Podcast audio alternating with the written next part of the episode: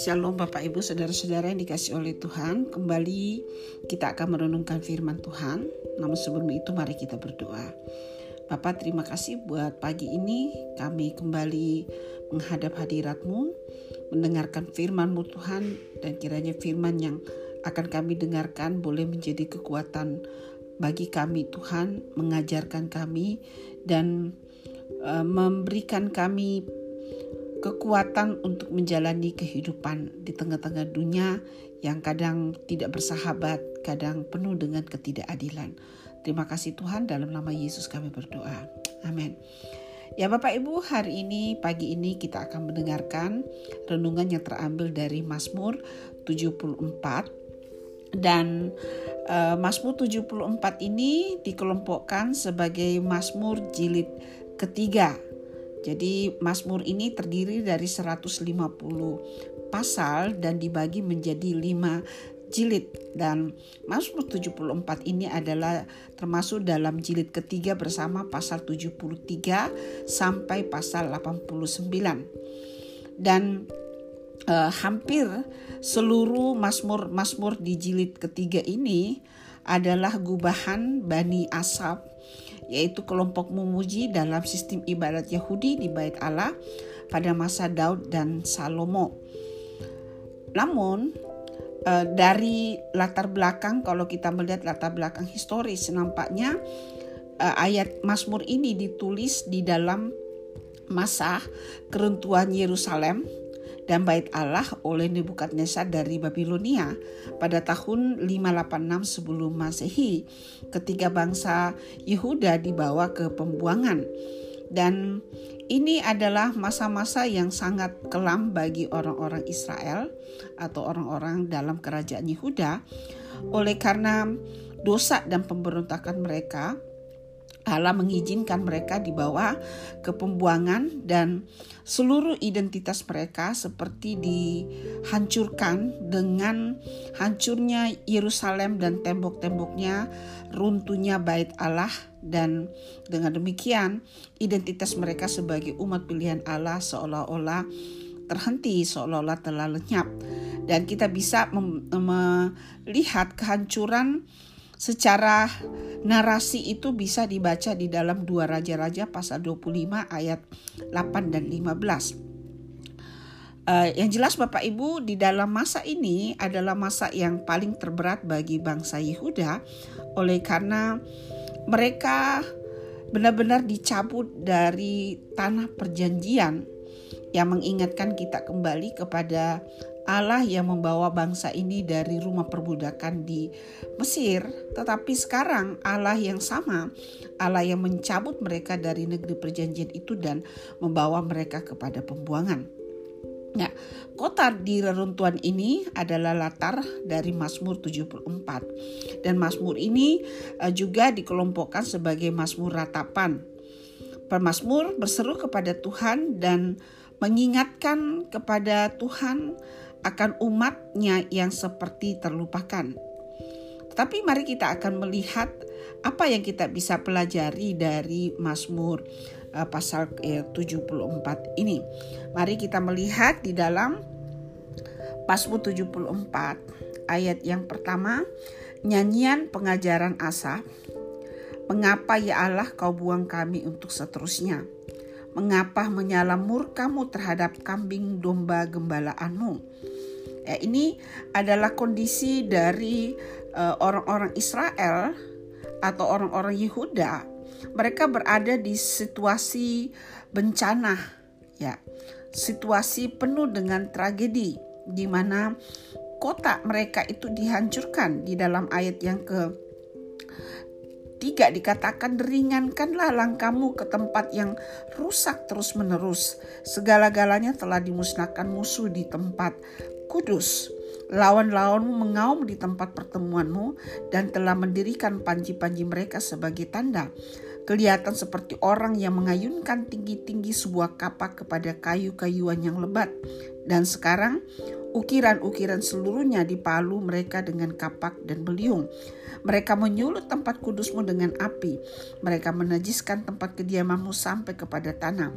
Mereka berkata dalam hatinya, baiklah kita menindas mereka semuanya. Mereka membakar segala tempat pertemuan Allah di negeri.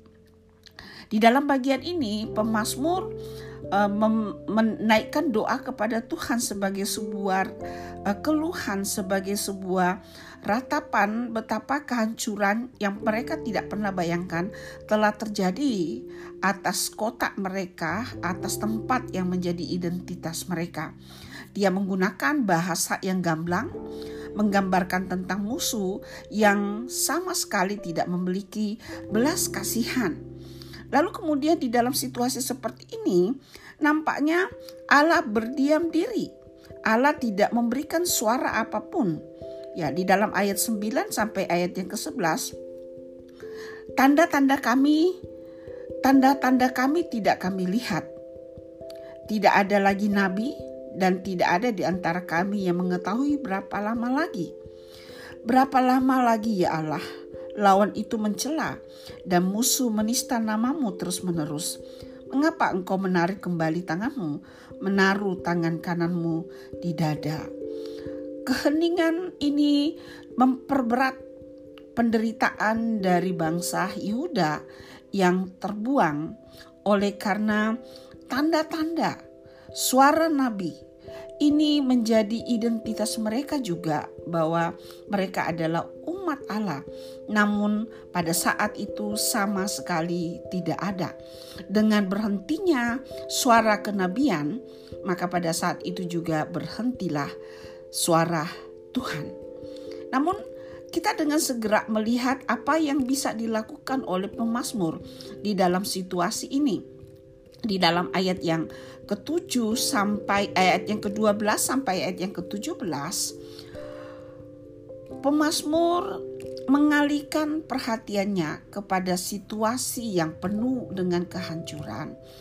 Di situasi di mana seolah-olah Allah meninggalkan mereka, Allah um, mencabut suara dari tengah-tengah bangsa itu tidak ada lagi suara kenabian yang mengingatkan mereka. Khotbah-khotbah berhenti, pengajaran berhenti. Dan pemazmur memilih untuk tetap mempercayai Tuhan dia mengingat Tuhan di dalam ayat yang ke-12.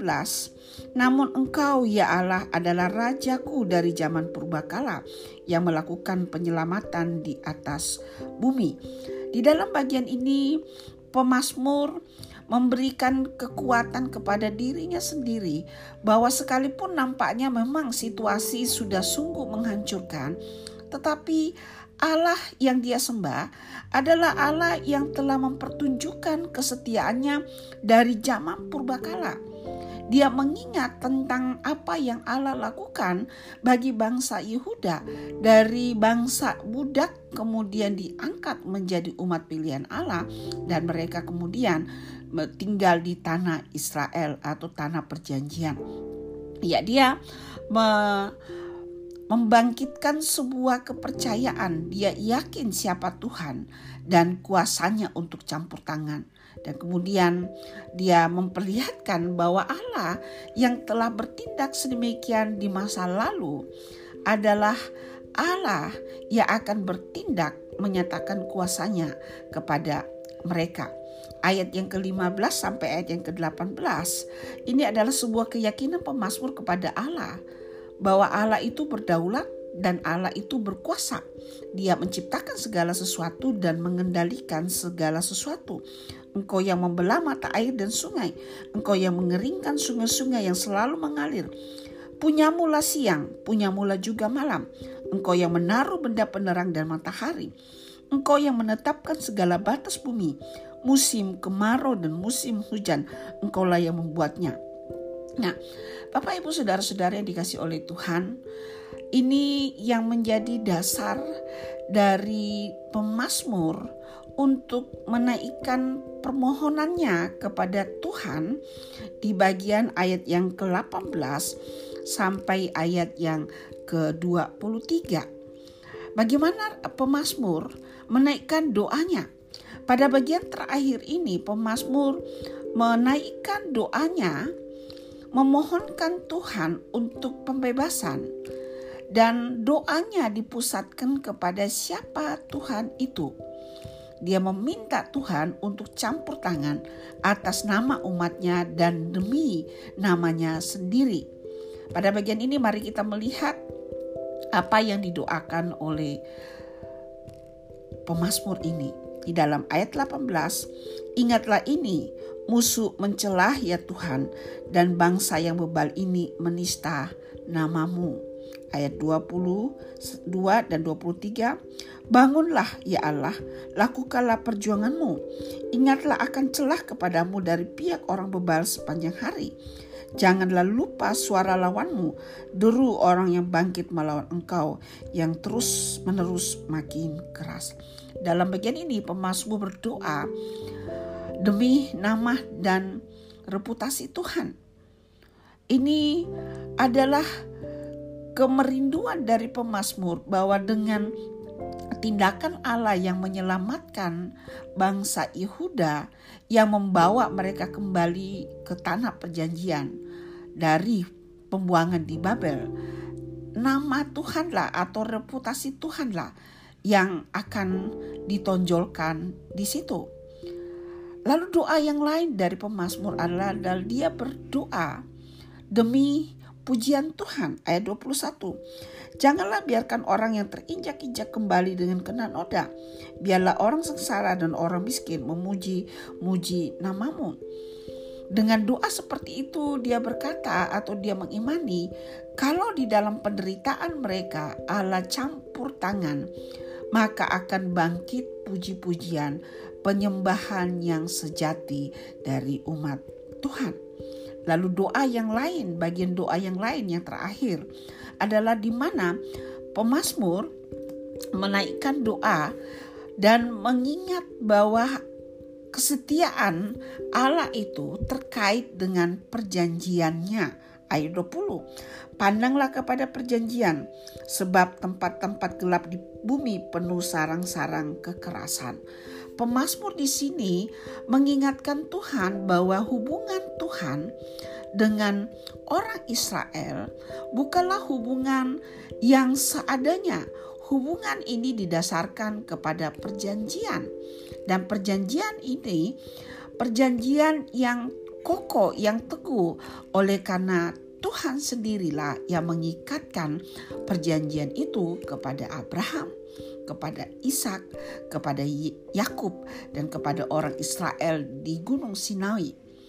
Sebuah himbauan yang mengingatkan pemazmur bahwa dia tidak boleh dikungkung oleh semua masalah-masalah kehancuran yang ada, tetapi dia harus mengingat tentang siapa Tuhan yang kepadanya dia berdoa. Satu hal yang diulang dalam dua ayat pertama adalah himbauan pemazmur untuk hubungan bangsa Israel dengan Tuhan. Mereka adalah domba-dombanya, jemaatnya, umatnya yang telah dibeli dan ditebus. Bapak Ibu, apa yang kita bisa pelajari dari doa pemazmur di bagian ini? Pemasmur ini mengajarkan kita untuk melihat bahwa sekalipun kita berada pada titik kehancuran kita, namun kita tidak boleh tetap tinggal di dalam kehancuran seperti itu. Kita harus membawa iman kita kepada Tuhan dan mempercayai bahwa pada waktu kita berseru kepada Tuhan, kita sungguh-sungguh bertobat dari jalan-jalan kita, maka Allah itu akan bertindak berdasarkan reputasinya, berdasarkan kesetiaan janjinya kepada kita. Ada hal yang menarik dari kisah ini bahwa ketika orang Israel berada di pembuangan di dalam tengah-tengah kehancuran mereka, mereka menaikkan doa semacam ini, mengingatkan Tuhan, ingatlah kami ya Tuhan. Dan setelah mereka kembali ke tanah perjanjian, sungguh bangsa ini berubah. Mereka bertobat, mereka tidak lagi eh, tergoda untuk mencari ilah-ilah yang lain dan monoteisme atau kepercayaan hanya kepada Allah Israel sungguh-sungguh uh, menguat pada waktu mereka kembali ke pembuangan. Bapak Ibu saudara-saudara yang dikasih Tuhan, kiranya apa yang menjadi doa dari pemazmur di dalam Mazmur 74 ini bisa menjadi pola kita pada waktu kita ada di dalam persoalan. Respon terbaik yang kita bisa lakukan adalah berdoa. Pada waktu kita menjadi kecewa, respon yang terbaik adalah curhat kepada Tuhan. Dan pada waktu kita seperti ada di titik terendah kita, respon yang terbaik adalah iman kita naik ke hadirat Tuhan melalui doa-doa. Kiranya Tuhan menolong Bapak Ibu apa pun yang menjadi pergumulan Bapak Ibu saat ini. Mari kita menjadi orang yang berdoa, mencari pertolongan Tuhan, mengingat siapa Tuhan, mengingatkan janji-janji Tuhan. Pada waktu kita berdoa, kita menggunakan ayat-ayat yang kita dengarkan untuk memberi kekuatan pada waktu kita berdoa. Kiranya Tuhan memberkati, selamat menjalani hari ini, dan kiranya Tuhan menolong Bapak Ibu di dalam seluruh kegiatan. Tuhan memberkati.